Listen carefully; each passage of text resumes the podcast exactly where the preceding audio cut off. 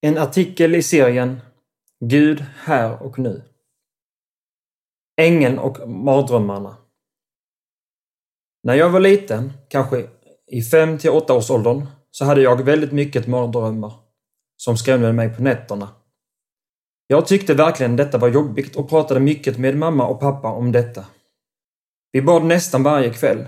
Gud, vi ber att Simon inte ska ha några mardrömmar i natt. Jag kände att det hjälpte att be, men mardrömmarna fanns ändå där och jag var ofta ledsen och oroad över detta. När jag en natt vaknade upp av en mardröm så gjorde jag som jag brukade göra. Jag sprang raka vägen in i mammas och pappas rum och la mig för att sova vidare. När jag kommer in i rummet så kollar jag upp i taket och ser att det är ett starkt ljus och en slags form som liknar en ängel. Jag stannar upp någon sekund och förstår inte vad som händer.